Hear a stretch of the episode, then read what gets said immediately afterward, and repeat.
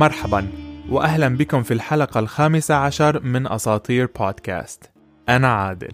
واليوم أسطورتنا قادمة من منطقة في المحيط الهادي تمتد من هاواي إلى نيوزيلندا.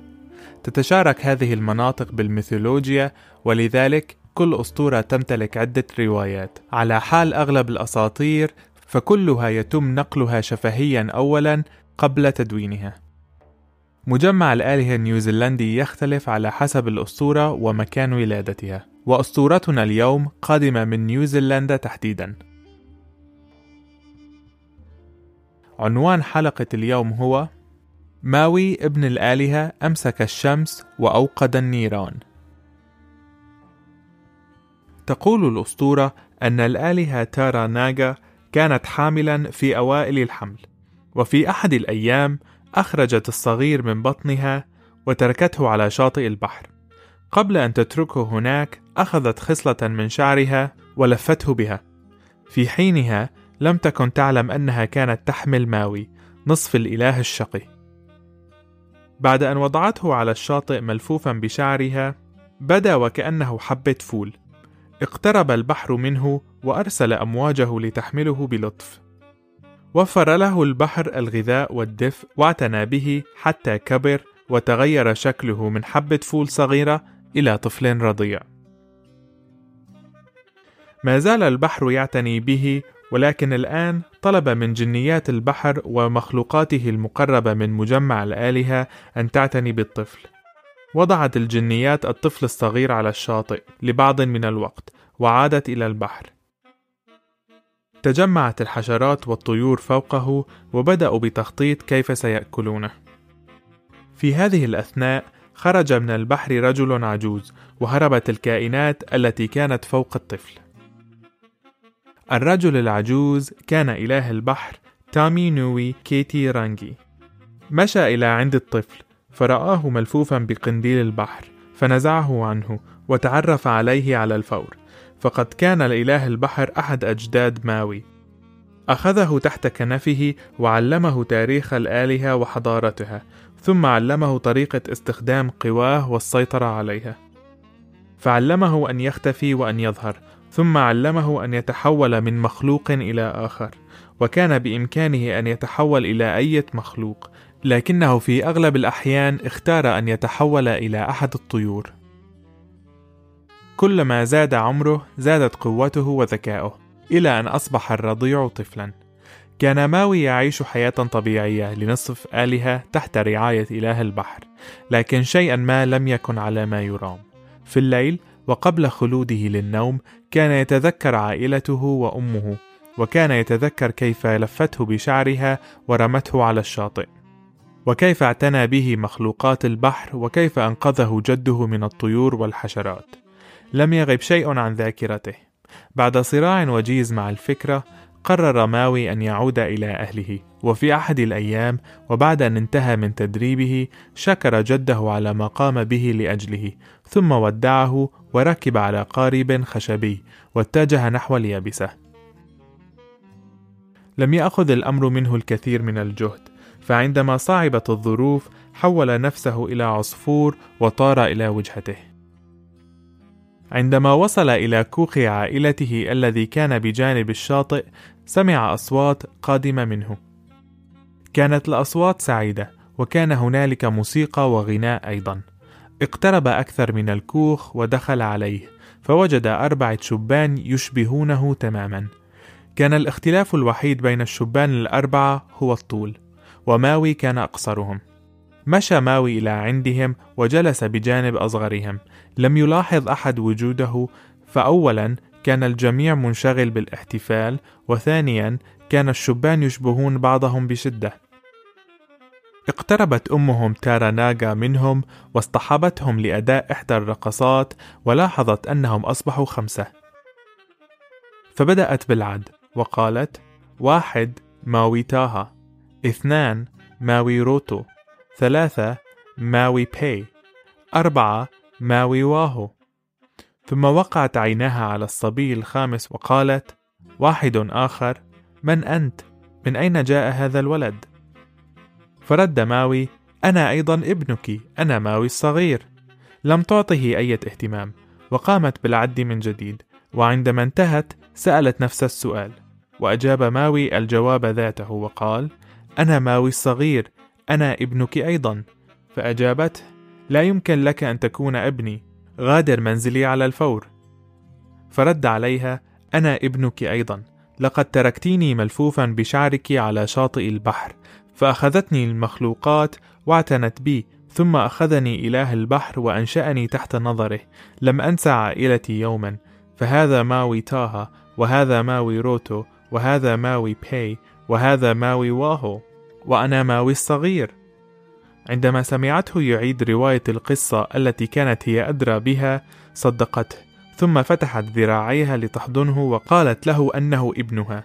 ومن الآن سيصبح اسمه ماوي تيكي تيكي. عندما جاء المساء طلبت تارا ناغا من ماوي الصغير أن ينام معها في سريرها فقد كانت مشتاقة له. فرح ماوي كثيرا ونام سعيدا جدا. في الصباح قام ماوي ولم يجد أمه في المنزل فبدأ بالبحث عنها ولكنه لم يجدها. عندما سأل إخوته قالوا له أن أمهم كانت تختفي من طلوع الشمس حتى غروبها. حزن قليلا ولكنه انشغل مع إخوانه إلى أن عادت. في المساء عندما حان وقت النوم نام ماوي في حضن أمه مجددا وفي الصباح تكرر الأمر ذاته. استيقظ ولم يجد أمه ولم تعد إلى أن غربت الشمس.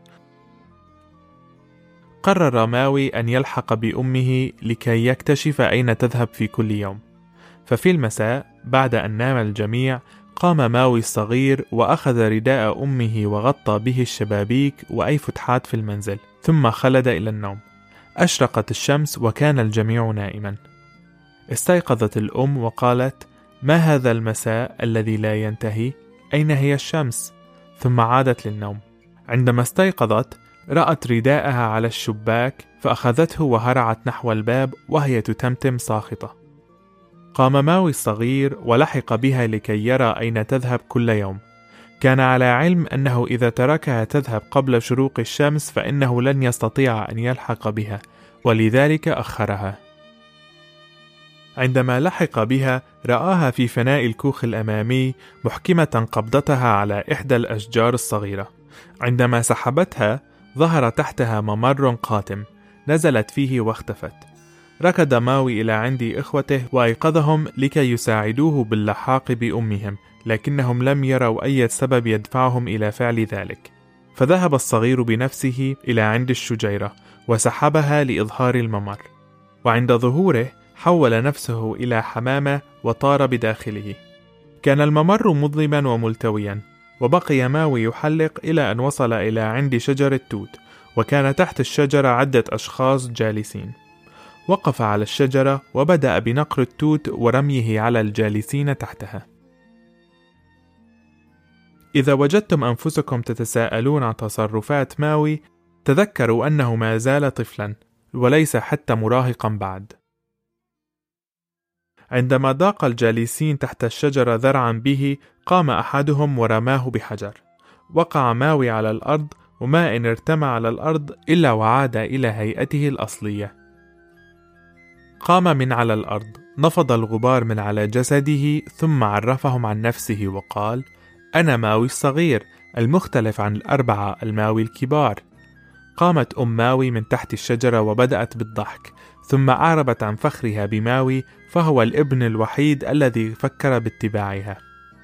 ثم أخذته وعرفته على رجل غريب وقالت لقد تبعني ماوي الصغير إلى هنا إنه حقا ابنك. فرح ماوي للقاء أباه للمرة الأولى وفرح أباه للقائه أيضا فأخذه بحضن حيث أن الظن كان أن ماوي الصغير كان قد مات.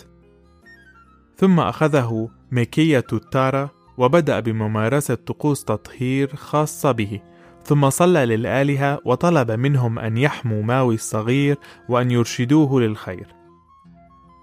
والد ماوي مكية التارا لم يكن إلها إنما كان حارسا لعالم الأموات وكان إنسانا أبديا مقربا من الآلهة. بعد أن عاد ماوي من عالم الأموات إلى الأرض أصبحت حياته مماثلة لأي طفل. فكان يقضي الوقت مع عائلته ويساعدهم بأعمال المنزل والمهام الإلهية عندما يطلب منه. في أحد الأيام لاحظ أنه لا يمتلك أي وقت لإنهاء مهامه قبل غياب الشمس. كانت الشمس تجلس في السماء لأقل من ساعتين في اليوم. قرر ماوي أن يغير ذلك، فجمع إخوانه وعرض عليهم خطته.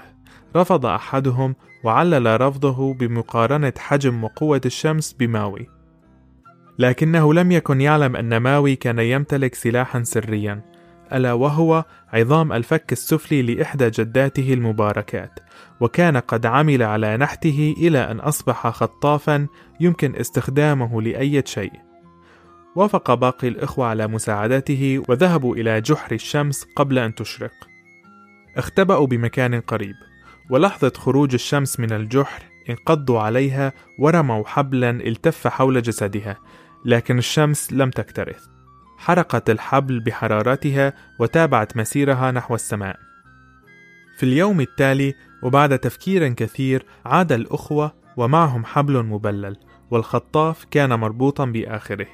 رموا الحبل حول الشمس فور خروجها من الجحر وفعلا التف حولها مجددا. زادت من حرارتها لحرق الحبل لكن كل ما حصل هو تبخر بعض من المياه وبقي الحبل صامدا. فقررت أن تتحدث مع الشبان. نظرت باتجاههم وقالت حسنا ماذا تريدون مني؟ رد ماوي الصغير نريدك أن تبقي في السماء أكثر فساعتان لا تكفي لشيء فقالت الشمس أنا تاما نوي تيرا وأفعل ما أشاء. وحاولت الهرب. لكن ماوي وإخوانه سحبوا الحبل وشدوا على الخطاف المبارك فثبتت الشمس بفضل قوته ووافقت أن تستمع لهم مجددا. اقترب ماوي من الشمس وسحب الخطاف العالق بجسدها ثم ابتعد مسرعا فحرارة الشمس كانت عالية. ثم اقترب مجددا وضرب الشمس بكل قواه بالخطاف السحري وبقوته رضخت الشمس. فقال ماوي من اليوم ستبقين في السماء لمدة 12 ساعة وستسلكين طريق السماء الطويل. حاولت الشمس الهرب مجددا لكن ماوي صعقها بالخطاف المصنوع من عظام فك الآلهة فتوقفت مجددا وأيقنت قوته. تركوا الشبان ماوي الحبال وتركوا الشمس تكمل طريقها إلى السماء. وإلى اليوم نحن نستمتع بالشمس لمدة أكثر من ساعتين بفضل ماوي.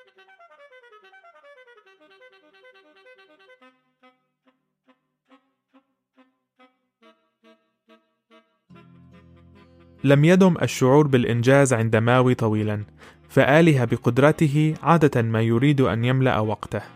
في أحد الليالي بعد أن انتهى من الأكل بجانب النار بدأ بيتساءل من أين تأتي النار؟ لم يضع أي وقت وبدأ بتنفيذ أول فكرة خطرت على باله. ذهب إلى القرية المجاورة وبينما كان الناس نيام رمى كل شعلات النار في النهر. في الصباح هرع سكان القرية إلى أمه الآلهة تارا ناغا وسألوها لكي تعطيهم النار بما أنها واحدة من الآلهة ولكنها لم تكن قادرة على ذلك فالنار من ملك الآلهة القديمة ماهوي كا التي تسكن في جبل النار الذي أظن أنه بركان. طلبت الأم من ماوي الصغير أن يذهب لعندها لإحضار النار ولكنها حذرته من أن يحتال عليها فقالت له جدتك الآلهة لن تتصرف بلطف إن شعرت بالإهانة. لم يكن ماوي يعلم ما ينتظره فهو لم يكن يعلم شكل مصدر النار ولم يقابل هذه الجدة من قبل فهرع إلى البركان بدون خطة. بعد رحلة كان يجب أن تكون شاقة لكنها لم تكن كذلك بفضل قدراته وصل إلى البركان وقابل جدته الآلهة ماهوي كا آلهة النار وكانت بشوشة الوجه. عرف ماوي الصغير عن نفسه وطلب من جدته أن تعطيه سر النار لكي يشاركه مع سكان القرية. ولكن قبل أن تجاوب طلبه اقتربت منه وحضنته وكان العناق مؤلما فجسدها كان ملتهبا وحرارته لا تطاق. عند التدقيق به رأى ماوي شعلات النار تخرج من بين أصابعها. بعد أن تركته أمسكت يدها اليسرى واقتلعت ظفرها الأصغر ووضعته في يد ماوي ثم قالت: خذ هذا الظفر، قدسه كما تقدسني واحمه فهو سيعطيك النار حمل الظفر وشكرها ثم خرج من البركان عائدا للقرية ثم جاء على ذهنه سؤال لو لم تمتلك جدتي الأظافر من أين ستأتي بالنار؟ ثم رمى الظفر في النهر المجاور وعاد إلى البركان واعتذر من جدته بشدة وطلب منها ظفرا جديدا وافقت على الفور. فكيف لأحد أن لا يثق بماوي طفل الآلهة؟ خرج من عندها وذهب إلى النهر مجددا ورمى الضفر فيه ثم عاد إلى الكهف معتذرا وقال لها أنه التقى بسمكة في طريقه فصفعت يده ووقع الأظفر في النهر. تكرر هذا الموقف تسع عشر مرة وفي كل مرة كان ماوي يختلق عذرا جديدا إلى أن وصلت الجدة إلى آخر أظفر ولكن قبل أن تقتلعه نظرت إلى ماوي وقالت أنت تقوم بخداعي أليس كذلك؟ بدأت شفتاه بتشكيل ابتسامة ماكرة ولكن قبل أن يتم ذلك صرخت الآلهة ملقية تعاويذ جالبة للنيران التفت الشعلات حول ماوي فحول نفسه على الفور إلى صقر صغير وحلق في السماء لكن لم ينفعه ذلك فالنيران تبعته إلى خارج الكهف وبدأت بحرق الغابة المجاورة. وصلت النيران للسماء ونالت من ذيل الصقر فلم يكن أمام ماوي إلا أن نادى على إحدى جدوده إله المطر وطلب النجد منه. لباه جده تاوهيري ماتيا وجمع الغيوم لأجله وأنقذه من الموت المحتم. لم تيأس الجدة العجوز وكانت مصرة على الانتقام. اقتلعت آخر ظفر ورمته بكل قواها نحو ماوي الصقر في وسط السماء ولكنها لم تصبه. نزل الظفر من السماء ووقع على الأشجار. فاحتفظت به الأشجار وقدسته من قداسة آلهة النار وحفظته مكرما بين جذوعها. عندما عاد ماوي إلى القرية عاد ومعه عدة عيدان من الخشب الجاف استغرب الجميع لرؤيته مع قطع من الخشب فقط ثم جلس في وسط القرية وبدأ بحق قطعتان من الخشب مع بعضهما البعض إلى أن أشعل نارا دافئة وأعطاها لسكان القرية. وإلى يومنا هذا صقر الكاهاو النيوزيلندي يمتلك ريش أحمر على ذيله وتحت أجنحته من مطاردة ماوي وآلهة النار ولتذكيرنا كيف كان ماوي على وشك أن يموت من أجل أن يعطينا التحكم بالنار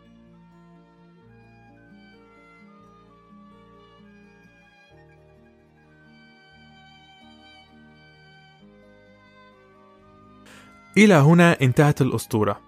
أغلب المصادر المستخدمة في أسطورة اليوم جاءت من حضارة الماوري من نيوزيلندا، لكن كما ذكرت أساطير ماوي منتشرة جدا، على الأقل يوجد ستة معتقدات أسطورية تتضمن ماوي بصفة أو بأخرى في مجمع الآلهة. مؤخرا اكتسب ماوي شهرة واسعة بعد أن كان له دورا أساسيا في فيلم ديزني موانا وكان دوين ذا روك جونسون قد أعطى صوته للشخصية المحبوبة فزاد من شهرته. من أحد أشهر الأغاني التي تتحدث عن ماوي هي أغنية ماوي سوبرمان هاواي من غناء إسرائيل كاماكا فيفولي. وبها عدد العديد من المغامرات والأعمال الخيرة التي قام بها نصف الإله لمساعدة البشر. شعوب بولينيجا هي المنطقة التي ذكرت في المحيط الهادي. كانت شعوبا ذات ثقافة غنية ومهارات كثيرة. أهمها كانت فهم عميق للفلك والبيئة مما ساعدهم على الترحال والسفر عبر المحيط. استخدموا الشمس لتحديد الشرق والغرب وراقبوا أماكن النجوم في أوقات مختلفة من السنة وعرفوا أن يستخدموا هذه العلوم والمعلومات لتحديد أماكن قواربهم واتجاهها. فلم يتوهوا في البحر أبدا. علاقتهم الوطيدة بالبيئة وارتباطهم الشديد في الأرض ساعدهم حتى على فهم الغيوم ودلالاتها بعيدا عن الطقس فاستخدموا الغيوم لمعرفة أماكن الجزر المجاورة ومصادر المياه واستخدموا مهاراتهم ببناء القوارب للوصول إليها بعض المؤرخين اقترحوا أن هذه الشعوب تنقلت من أجل الموارد ومن أجل الهرب من الحروب أيضا.